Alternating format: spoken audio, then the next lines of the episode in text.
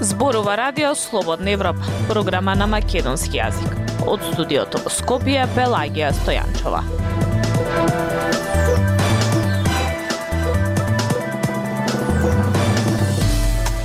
Денешната емисија на Радио Слободна Европа објавуваме четири институции мета на хакери, но срамот поголем од транспарентноста. Помалку бракови и разводи причина селувањето и во брачните заедници. Почина поранешниот италијански лидер Силвио Берлускони. Слушајте ме. Годинава четири државни институции биле мета на хакерски напади. Но освен премолчувањето за нападите, се кријат и сумите кои хакерите ги бараат за откуп на системите. Јавноста дозна само за Фондот за здравствено осигурување, кои се другите три од МВР не откриваат. Билјана Николовска ја слушаме во продолжение. Многу спекулација, малку информации. Дел од институциите ги премалчуваат нападите кои ги имаат од хакерите кријки дека им бараат откуп кога го блокираат системот за работење. МВР открива дека оваа година имало вкупно 4 ransomware напади врз институции, но не открива кои се институциите. Ниту една од оние институции кои досега беа споменувани во јавноста не призна дека платила за да си ги одблокира податоците. Дели негираа дека се мета на напад, а МВР, освен нивната бројка за која вели дека се три годинава покрај оној на ФЗО, не открива за кои институции станува збор. Јавноста дозна само за Фондот за здравствено осигурување. Последно во дел од медиумите беше објавено дека цел на хакерски напад е и Министерството за финансии, откако дел од вработените таму анонимно сведочат дека се работи рачно, а платите за јавниот сектор и други исплати можно е да доцнат. Но министерот Фатмир Бесими негираше. Јавно се дозна и за Агенцијата за електронски комуникации, тоа откако сајтот падна, а по ова и директорот призна дека институцијата е цел на напад, но никогаш не откри дали е баран откуп и дали може би е платено. Интересно е тоа што токму таму се наоѓа Националниот центар за одговор на компјутерски инциденти, Вработени во АЕК за Радио Слободна Европа сведочат дека подолго време системот не бил во функција, пошто се вратиле на нормално работење. Но според нив токму еден од вработените бил посочен како соработник на хекерите и бил под истрага на МВР. Оттаму пак одговорот е дека се работи на случајот, кои се другите две институции, ниту МВР, ниту обвинителството не откриваат. Фондот за здравствено осигурување пак се подновил со дигитални ленти за складирање на податоци додека траел хакерскиот напад. Бази за податоци од ФЗ од март годинава се чуваат и на 24 ленти од по 30 терабајти или вкупна тежина од 720 терабајти. Во договорот кој фондот го склучил со скопската фирма Infosoft Systems се гледа дека само 7400 евра ја делеле институцијата од бекап за складирање на податоците. На бирото за јавни набавки може да се забележи дека се работи за итна набавка, договорена во 4 очи и реализирана на 14 март годинава. За Радио Слободна Европа од ФЗО потврдуваат дека оваа набавка е направена за зачувување на сите релевантни податоци од фондот, а начинот на кој е сторено тоа е тајна. Додека траеше скандалот со можната кражба на податоци, а директорите молчаа за оно што се случува, во исто време одлучиле да побараат и мислење од Бирото за јавни набавки. Прашале дали по итна постапка, без да се објави оглас, може да се набави ваков уред. Барањето испратено на 21 февруари, ден пред пресконференцијата на директорката Магдалена Филиповска Грашковска, на која таа соопшти за хакерскиот напад. Познавачите на ваквите технологии велат дека станува збор за еден вид на касети, кои откако ќе се наполнат со компресирани податоци, обично се дислоцираат од објектите каде се наоѓаат серверите. Се смета дека на овој начин, освен што податоците би се заштителе од хакерски напад, бидејќи не се поврзани на никаква мрежа, Ова е и физичка заштита на податоците, на пример од пожари или други непогоди. Слободна Европа. Следете на на Facebook, Twitter и YouTube.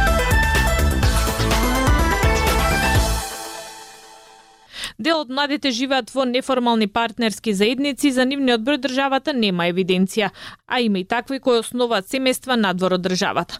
Официјалната статистика покажува дека лани во земјава имало помалку бракови и разводи отколку годината предходно.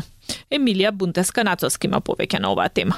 Скопјанката Ива е во врска 11 години, од кои 9 живее со својот партнер. Од пред една година тие се и родители, но не се во брак. На почетокот причина да не стават официјален подпис била тоа што сакале прво подобро да се запознаат, а потоа и финансиската нестабилност. Таман решиле да прават свадба, се случува пандемија, а потоа и семејна трагедија, па идејата за официјален брак ја ставиле на пауза. Во меѓувреме се смениле и приоритетите. Одлучиле прво да направат дете, па да размислат што понатаму. Нивното дете влегува во статистиката на вонбрачни деца. Според последните податоци на Државниот завод за статистика, во 2022 година во земјава имало 2298 вонбрачни живородени деца. Државата не може да има увид во бројот на неформални партнерски заедници како онаа на ИВА, но води официјална статистика за бројот на бракови. Таа покажува дека минатата година се склучиле помалку бракови отколку во 2021. И бројот на разводи во 2022 година бележи намалување. Ива размислува размислува и за странство како локација за склучување на брак, како опција која ветува подобар живот. И не е единствена. Иланското глобално истражување на Gallup International на тема миграција покажа дека 42% од македонците би живееле во друга земја ако ги имаат сите потребни документи. Податоците на ДЗС се во контекст на општите демографски состојби во Република Северна Македонија, висока емиграција на младо работоспособно население, за кое животните настани како создавање семејство се случуваат на друго место, како и старење на населението, вели Марија Димитровска од Фондот за население на Обединетите нации и УНФПА.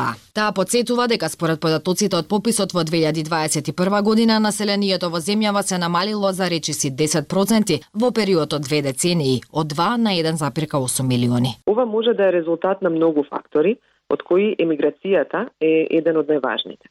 Просечната возраст на населението кај нас е во постојан пораст од 34,3 на 40,1 година во период од две децени. А врз старењето на населението има улога и емиграцијата кај младите. Вели аналитичарката на програма за население и развој Димитровска. Посочува и дека актуелните светски демографски трендови покажуваат забавен раст, продолжен животен век, менување на структура на населението поради неговото движење, додека светското население забрзано старее. Дајте ни 15 минути и ние ќе ви го дадеме светот. Слободна Европа.мк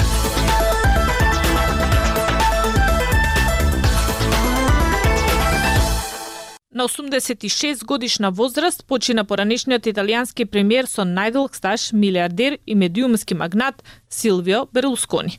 За Берлускони, како ретко кој друг политичар во светски рамки, се плетеа секс скандали и обвинувања за корупција. За обожавателите беше способен државник, за критичарите скандалозен популист. Петар Клинчарски. Италијанската новинска агенција Ла Прес ја објави смртта на Берлускони откако тој беше хоспитализиран во петокот, повтор пат, во последните неколку месеци поради лекување на хронична леукемија. Тој исто така, со текот на годините страдаше од срцеви заболувања, рак на простатата и беше хоспитализиран поради COVID-19 во 2020 година. Берлускони ги искористи своите телевизиски мрежи и огромното богатство за да ја започне својата долга политичка кариера, инспирирајќи лојалност и омраза. За обожавателите, трикратниот премиер беше способен и харизматичен државник кој се обиде да ја издигне Италија на светската сцена. За критичарите, тој беше популист кој се закануваше дека ќе ја подкопа демократијата со користење на политичката моќ како алатка за збогатување. Неговата политичка партија Форца Италија е коалициски партнер со актуелната премиерка Джорджа Мелони, екстремно десничарска лидерка која дојде на власт минатата година, откако Берлускони немаше функција во владата. Неговото пријателство со рускиот председател Владимир Путин го стави во судир со Мелони, жесток поддржувач на Украина. На неговиот 26-ти роденден, додека војната беснееше, Путин му испрати на Берлускони на јубави желби и водка, а италијанецот се пофали дека возвратил со тоа што му пратил италијанско вино. Како што Берлускони старееше, некои го исмејуваа неговиот вечно млад тен, трансплантацијата на коса и неговите девојки кои беа помлади со децении, Сепак многу години Берлускони изгледаше недопирлив и покрај личните скандали. Обвиненијата беа покренати без завршница, односно застаруваа во бавниот судски систем на Италија, или тој беше победник во жалбата. Истрагите беа насочени кон забавите, така наречени бунга-бунга, во кои учествуваа млади жени и малолетни, или за неговите бизниси, кои го вклучуваа и фудбалскиот тим Милан, трите најголеми приватни ТВ мрежи во земјата, списанија и дневен вестник, како и реклами и филмски содржини. Само еден доведе до пресуда, случај за даночна измама што произлегува од продажба на филмски права од неговата деловна империја. Осудата беше потврдена во 2013 година од страна на највисокиот кривичен суд на Италија, но тој беше поштеден од затвор поради неговата возраст, 76 години, и му беше наредено да работи обштествено корисна работа, помагајќи им на пациентите со Алцхаймерова болест. Нему уште му беше одземено местото во Сенатот и му беше забрането да се кандидира или да извршува јавна функција во рок од 6 години според антикорупцијските закони. Тој остана на чело на Форца Италија, партијата на десниот центар, а повторно беше избран во Европскиот парламент на 82 годишна возраст, а потоа минатата година во Италијанскиот сенат. Берлускони е роден во Милано на 29 септември 1936 година како син на банкар од средна класа. Тој започнал градежна компанија на 25 години и изградил стамбени комплекси за семејствата од средната класа на периферијата на Милано, дел од повоениот бум.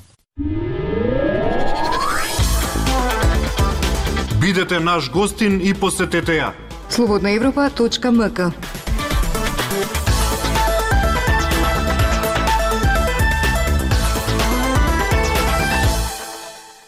Во рамки на своето самопрогласено ослободување, Русија избриша неколку украински градови. Украинскиот сервис на Радио Слободна Европа направи преглед на неколку градови, од кои остана урнатини по инвазијата која започна лани во февруари. Градот Попасна е основан во 1878 Пред инвазијата имало околу 20.000 жители, а моментално околу 200. Тој се наоѓа во Луганск, во близина на административната граница со регионот Донецк. Но Русија го избриша овој град од мапата по целосната инвазија која започна лани. Во август 2022 руските окупаторски власти посочија дека Москва нема да ја обнови попасна.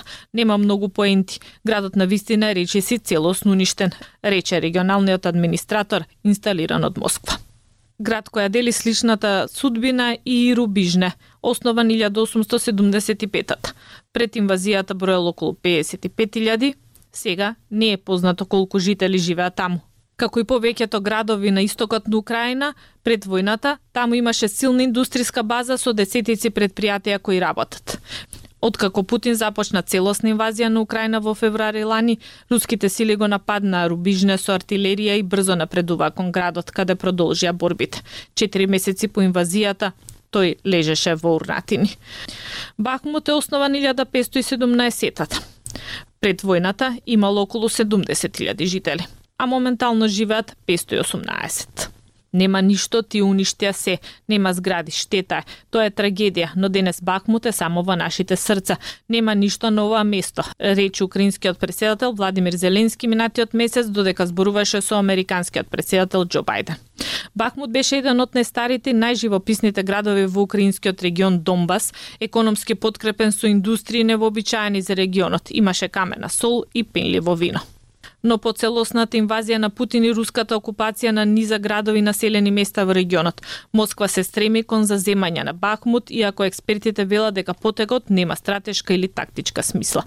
Овој месец беа пријавени големи судири околу Бахмут. Авдијивка е основан 1778 Пред почетокот на инвазијата имало околу 32.000 жители. Сега живеат 1753.